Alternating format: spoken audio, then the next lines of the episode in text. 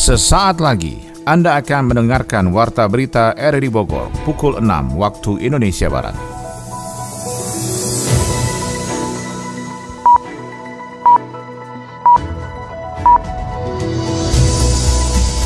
Selamat pagi dan salam jumpa. Kembali kami hadir dalam Warta Berita edisi hari ini, Jumat 10 Maret 2023. Siaran kami bisa Anda dengarkan lewat audio streaming di RRI Play dan bisa Anda dengarkan juga di audio on demand di Spotify, Anchor, Portal, dan Google Podcast. Berikut kami sampaikan berita utama. Koalisi Freenet from Tobacco mendesak pemerintah melakukan pelarangan iklan, promosi, dan sponsor rokok di internet. Kami mencatat ada peningkatan yang sangat signifikan ya prevalensi perokok anak itu data dari Kementerian Kesehatan. Polsek Ciawi menempatkan Babin Kamtipmas di Jalan Alternatif Ciawi Caringin Bogor untuk menghindari kesemrautan dan pungli oknum warga. Sekalian juga kontrol kepada masyarakat sekitar di situ jangan sampai dia melakukan pungli. Seorang pemotor meninggal dunia terseret truk sampah dari arah Galuga menuju Dramaga Bogor. Dia ini nyalip di kanan beriringan Bogor yang nyenggol yang sebelah kan yang sebelah sana. Itulah tiga berita utama hari ini yang akan menjadi headline kami dalam Warta Berita edisi pagi ini. Saya Maulana Desnarto, inilah Warta Berita selengkapnya.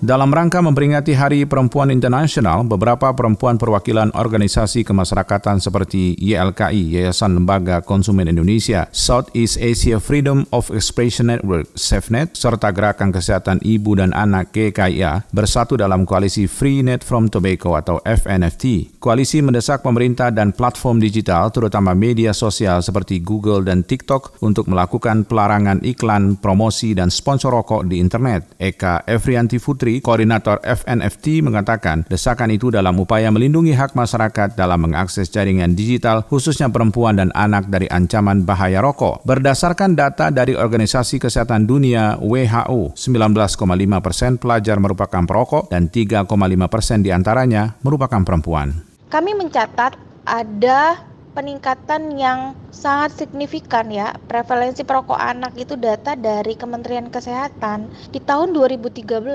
itu masih dalam posisi 1,9 persen.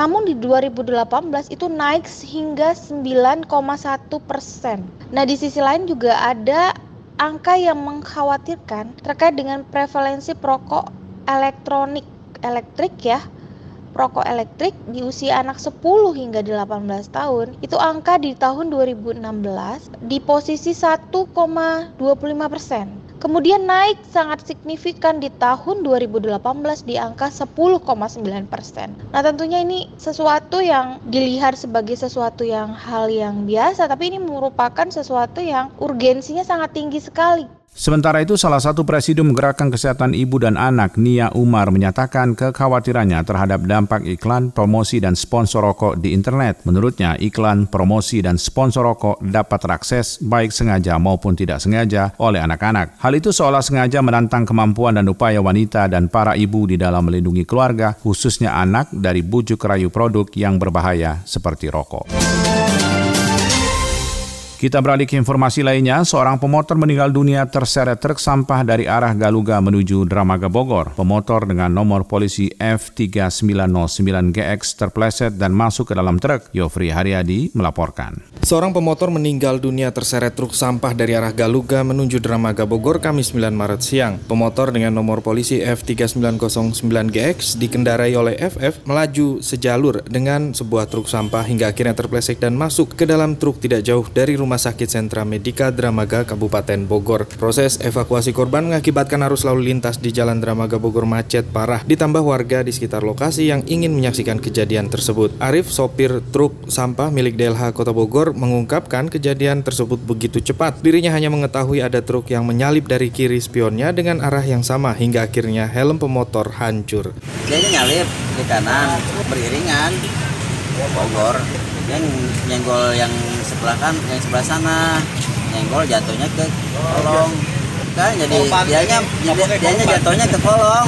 Nggak tahu saya nggak begitu ngelihat soalnya emang kejadian cepet banget ya juga saya masih deg-degan saya. Saat itu situasi arus lalu lintas dalam keadaan macet dan masing-masing kendaraan berada di jalur antrian. Hanya sepeda motor yang dapat menyalip kendaraan di depannya melalui selah sempit. Korban diketahui adalah warga Kampung Lebak Sirna, Desa Karacak, Kecamatan Lewiliang, Kabupaten Bogor. Jenazah korban kini diamankan di Rumah Sakit Sentra Medika Dramaga menunggu dijemput oleh pihak keluarga. Sementara sopir truk, sampah, dan saksi kini tengah menjalani pemeriksaan di Mako Polsek Dramaga Bogor. Polsek Ciawi menempatkan Babin Kaptipmas di Jalan Alternatif Ciawi Caringin Bogor untuk menghindari kesemrautan dan pungli oleh oknum warga. Kembali Yofri Haryadi melaporkan. Untuk menghindari kesemrautan di Jalan Alternatif Ciawi Caringin Bogor dan pungli oleh oknum warga, Kapolsek Ciawi Kompol Agus Hidayat dengan tegas melarang warga yang ikut mengatur lalu lintas meminta pungutan dengan menetapkan tarif, apalagi memaksa kepada pengguna jalan. Menentukan tarif atau menarik retribusi harus berdasarkan aturan resmi dari pemerintah, sementara tugas untuk mengatur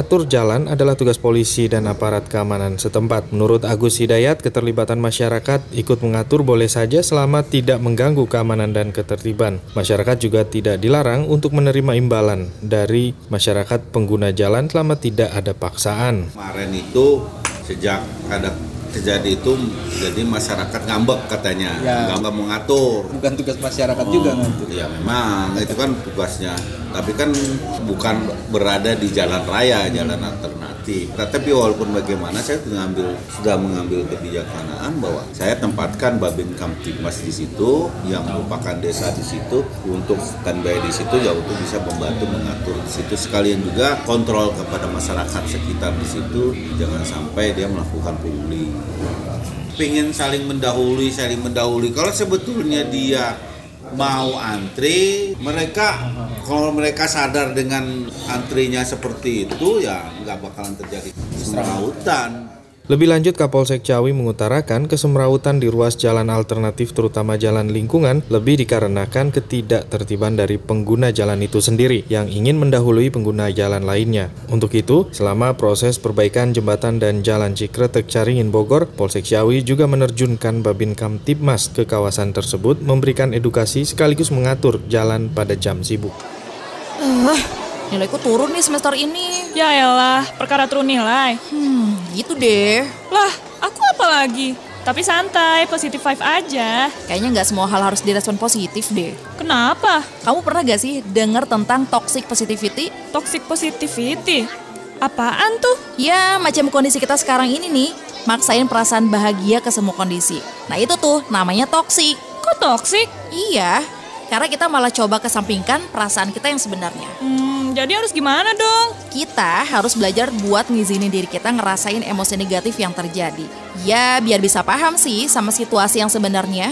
Bukannya positif itu lebih bagus daripada negatif? Yeay, daripada sosok positif tapi ada beban dalam hati, mental health lama-lama. Aku nggak sadar sih, kirain biasa aja. Ah udahlah, pokoknya nih ya, semester depan kita jangan males-malesan lagi, oke? Oke deh.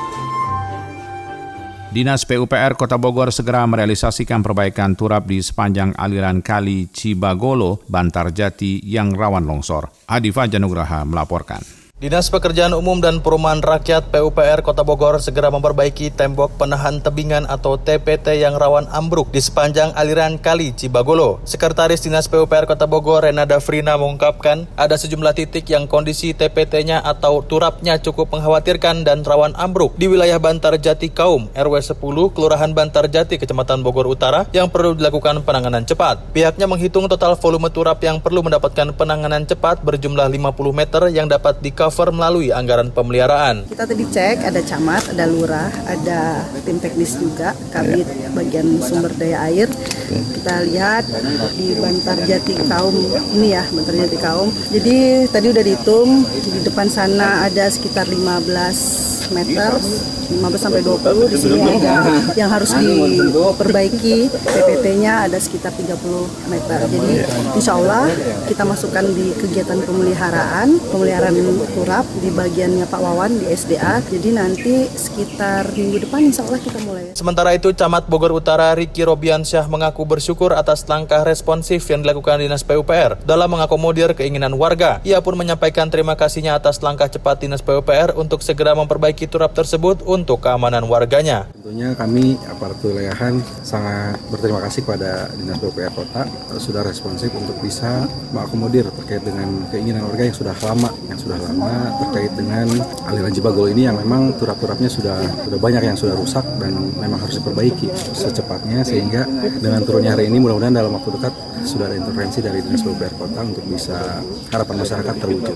Disinggung soal besaran anggaran yang dialokasikan Dinas PUPR belum bisa memastikan. Pasalnya kegiatan tersebut bersifat situasional berdasarkan aduan dan swakelola sehingga bisa dihitung secara keseluruhan setelah kegiatan tersebut rampung dikerjakan. Pemerintah Kabupaten Sukabumi menggulirkan program roasting atau Rabu Observasi dan Aksi Sinergi Penanganan Stunting untuk mempercepat penurunan angka stunting. Adi Fajar Nugraha menyampaikan informasinya. Pemerintah Kabupaten Sukabumi masih berfokus melakukan penanganan stunting secara berkelanjutan melalui program teranyarnya Rabu Observasi dan Aksi Sinergi Penanganan Stunting atau ROSTING. Wakil Bupati Sukabumi Yosumantri meyakini Pemkap dapat mempercepat penurunan angka stunting. Program ini merupakan gerakan pentahelix pemerintah daerah di mana langkahnya adalah setiap hari Rabu pertama tim percepatan penurunan stunting Kabupaten Sukabumi akan melaksanakan rapat koordinasi bersama kecamatan terkait kasus stunting di wilayahnya. Selanjutnya pada hari Rabu kedua, hasil rakor itu akan ditindaklanjuti di lapangan. Arahan pimpinan dan saya sebagai ketua tim percepatan penurunan stunting Kabupaten Bumi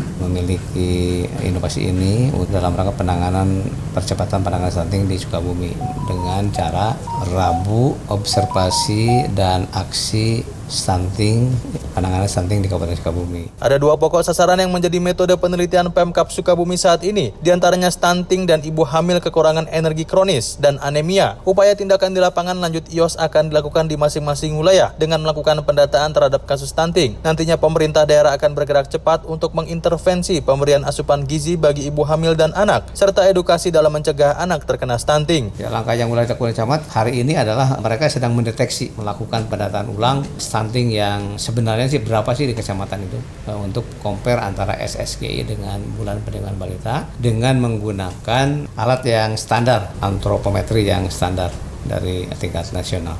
Saat ini seluruh kecamatan tengah gencar melakukan pendataan ulang terhadap 200 ribu balita se-Kabupaten Sukabumi. Data itu selanjutnya akan dilaporkan pada program roasting. Program roasting ini akan terus dilakukan hingga Kabupaten Sukabumi menjadi zero new stunting. God Bogor sudah mengantongi hasil open bidding Kepala Dinas PUPR dan Perpustakaan Arsip. Berikut laporan Sony Agung Saputra. Proses seleksi open bidding Kepala Dinas PUPR dan Perpustakaan Arsip di pemerintah Kota Bogor masih terus berlangsung dengan adanya tahapan dari mulai administrasi tertulis, kesehatan hingga wawancara dengan kepala daerah. Saat ini sudah ada tiga nama calon kandidat kepala dinas untuk masing-masing dinas yang akan diumumkan oleh Wali Kota Bogor pertengahan bulan ini. Wali Kota Bogor Bima Arya mengungkapkan semua harus mengikuti peraturan peraturan bakal nama calon ke Komisi ASN dan sudah mendapat persetujuan untuk segera melakukan pelantikan. Nantinya untuk Kepala Dinas PUPR merupakan figur yang mempunyai independen terhadap semua pekerjaan proyek infrastruktur yang akan berlangsung pada tahun ini. Segera aja, segera pelantikan dalam waktu dekat. Pokoknya dalam waktu dekat segera dilakukan pelantikan. Sudah ada definitif Kepala Dinas PUPR yang baru, Kepala Dinas Perpustakaan yang baru sudah mendapatkan izin untuk segera dilantik oleh Komisi komite ASN dan saya minta begitu dilantik langsung bekerja. Uh, kan sudah saya sering ingin memastikan uang rakyat kembali ke rakyat, semua pengerjaan tepat waktu, semua pekerjaan memiliki kualitas yang baik, meminimalisir gagal lelang, kemudian tidak tersetir oleh kepentingan-kepentingan tertentu dan bisa berkomunikasi dengan baik bersama semua dan melakukan fungsi pengawasan. Sementara calon kepala dinas perpustakaan dan arsip haruslah orang yang bisa melakukan terobosan membuat perpustakaan berskala internasional dengan adanya digitalisasi pustaka sehingga bisa mencatat semua perjalanan peradaban. Ini mewujudkan mewujudkan juga City Gallery yang menjadi pusat edukasi, pusat peradaban dan ingin menjadikan perpustakaan Kota Bogor berbasiskan komunitas yang ada di Kota Bogor. Nantinya semua kepala dinas yang akan dilantik haruslah melakukan pekerjaan secara menyeluruh dan langsung berlari untuk melakukan tugas menyelesaikan program strategis di sisa akhir masa jabatan Bima Arya Dedi Rahim 10 bulan ke depan.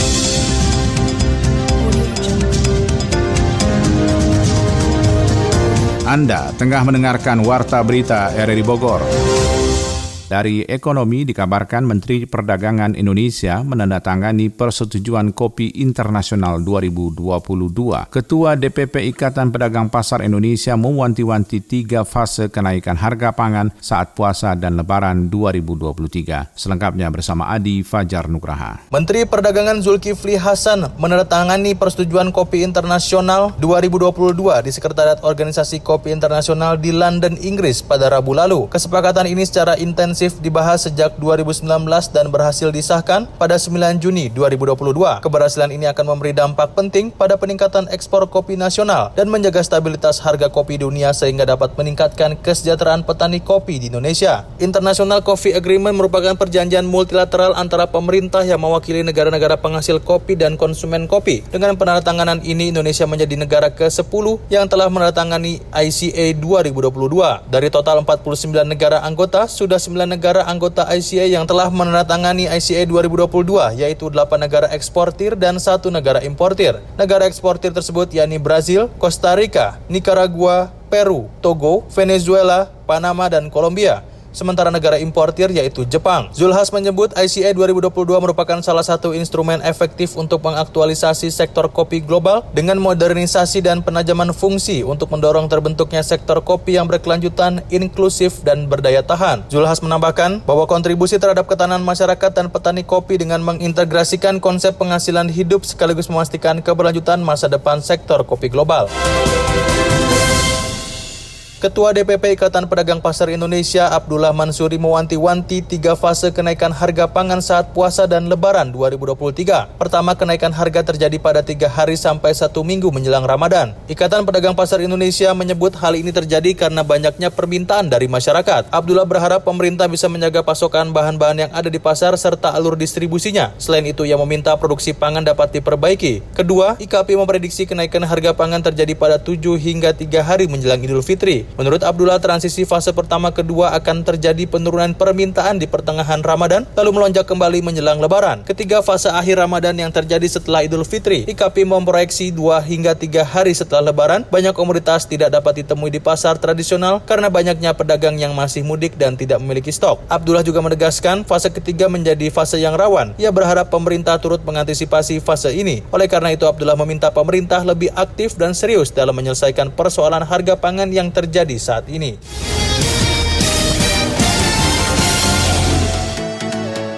Pasangan Kevin Sanjaya, Marcus Fernaldi Gedeon dipastikan mengikuti All England 2023 yang berlangsung 14 hingga 19 Maret di Birmingham, Inggris. Wali Kota Bogor berharap bonus bagi atlet dan pelatih di Porprov dan SEA Games 2022 bisa menjadi pemacu semangat untuk terus berprestasi. Dua berita olahraga tersebut akan dilaporkan Ermelinda.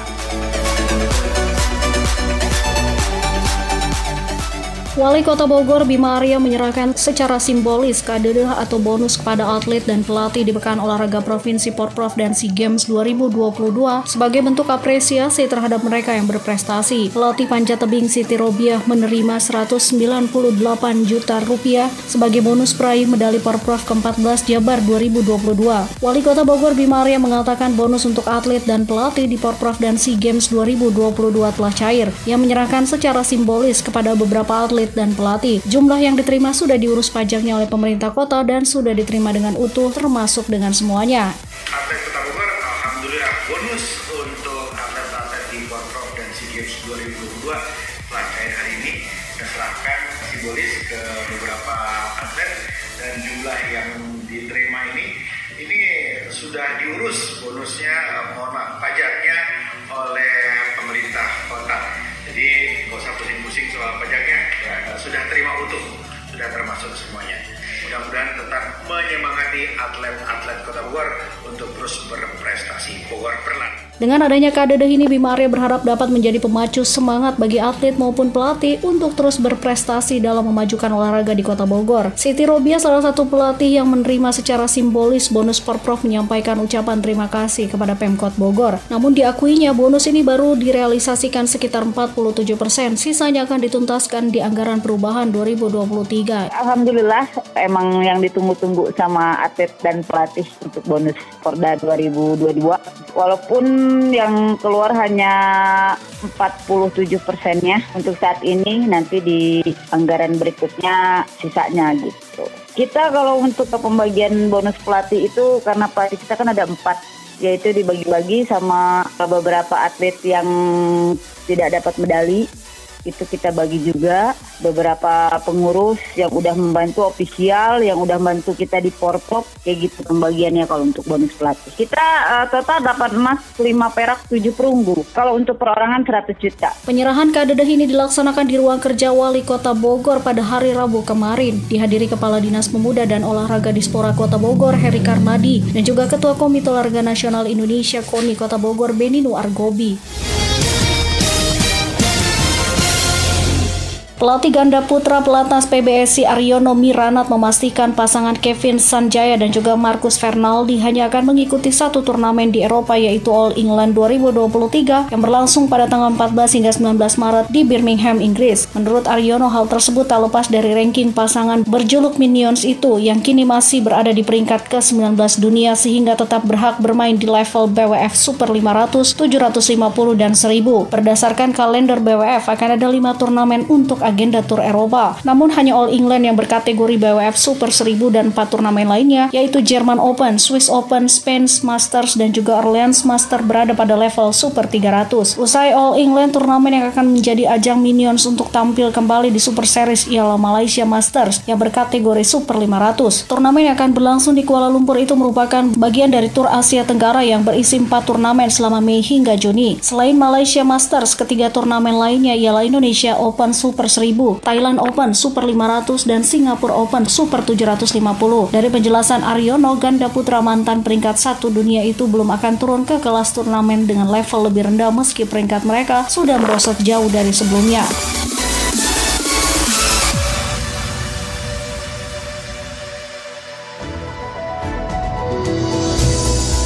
Demikian rangkaian informasi yang kami hadirkan dalam Warta Berita di edisi hari ini. Sebelum berpisah, kami kembali sampaikan berita utama. Koalisi Freenet from Tobacco mendesak pemerintah melakukan pelarangan iklan, promosi, dan sponsor rokok di internet. Polsek Ciawi menempatkan Babin Kamtipmas di Jalan Alternatif Ciawi, Caringin, Bogor untuk menghindari kesemerautan dan pungli oknum warga. Seorang pemotor meninggal dunia terseret truk sampah dari arah Galuga menuju Dramaga Bogor. Mewakili kerabat kerja bertugas, saya Maulana Estato mengucapkan terima kasih. Selamat pagi.